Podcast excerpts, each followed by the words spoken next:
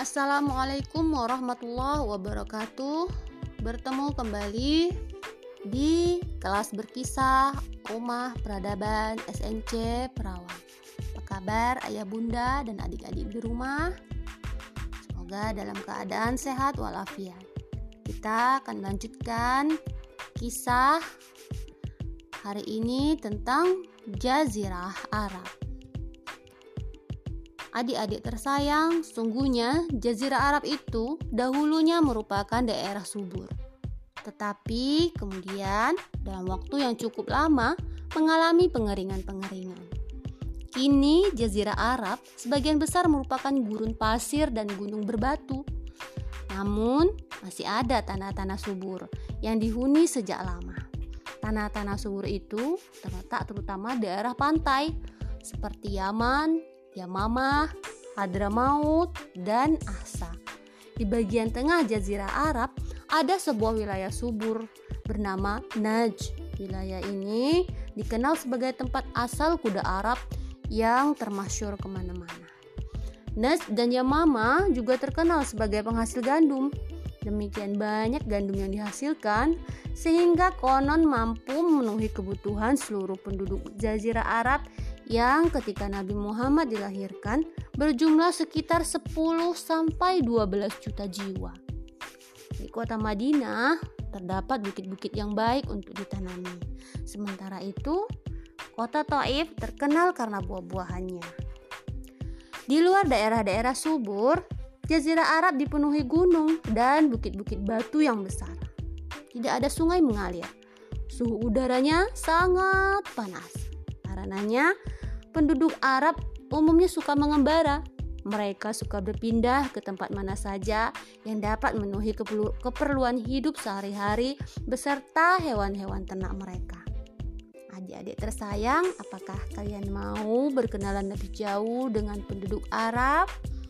Tetap di kelas berkisah RPSNC Perawang. Kita lanjutkan minggu depan ya. Assalamualaikum warahmatullahi wabarakatuh.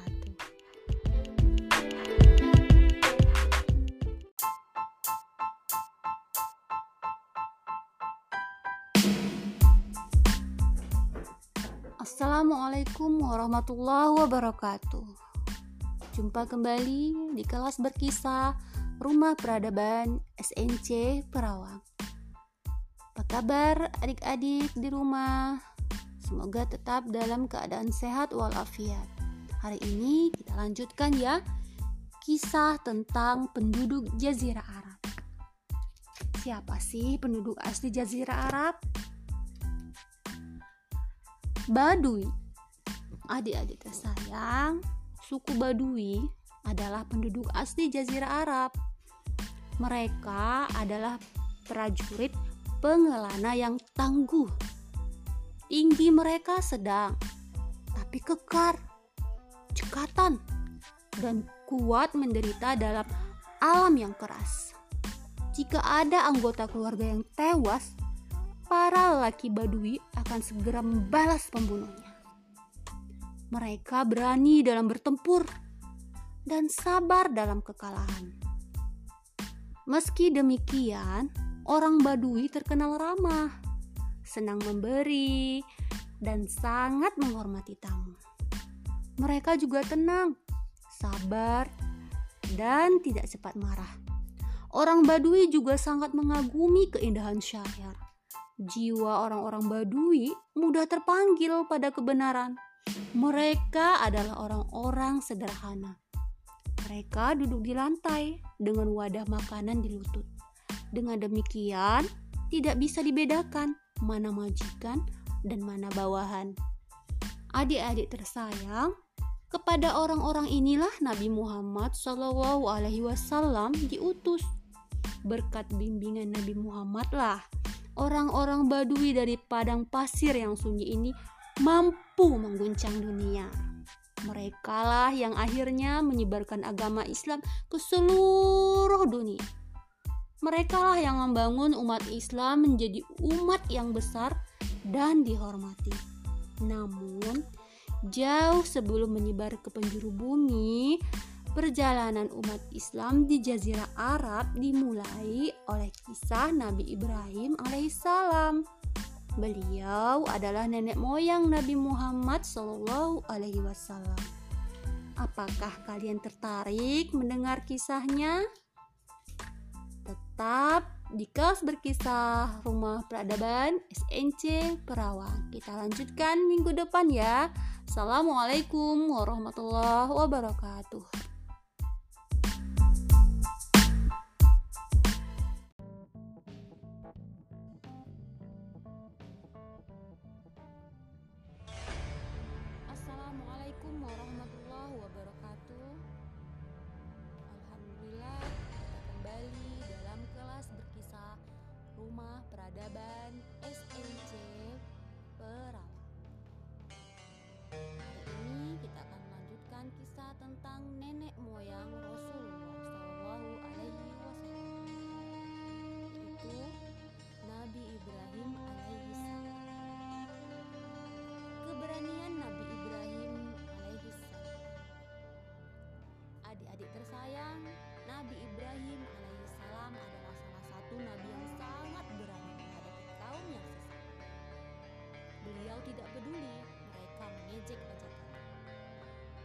Pada saat yang tepat,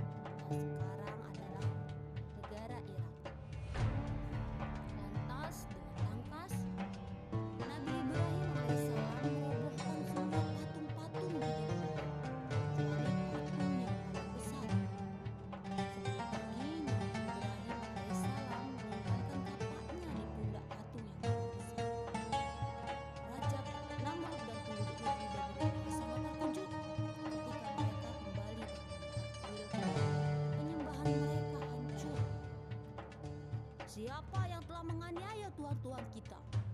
Teriak Raja Namrud sangat marah. Siapa pun dia, dia harus diberi hukuman yang setimpal. Hamba tahu ini pasti perbuatan Ibrahim. Kata seorang penduduk. Panggil dia sekarang juga. Para pengawal kerajaan diikuti beberapa penduduk mendatangi rumah Nabi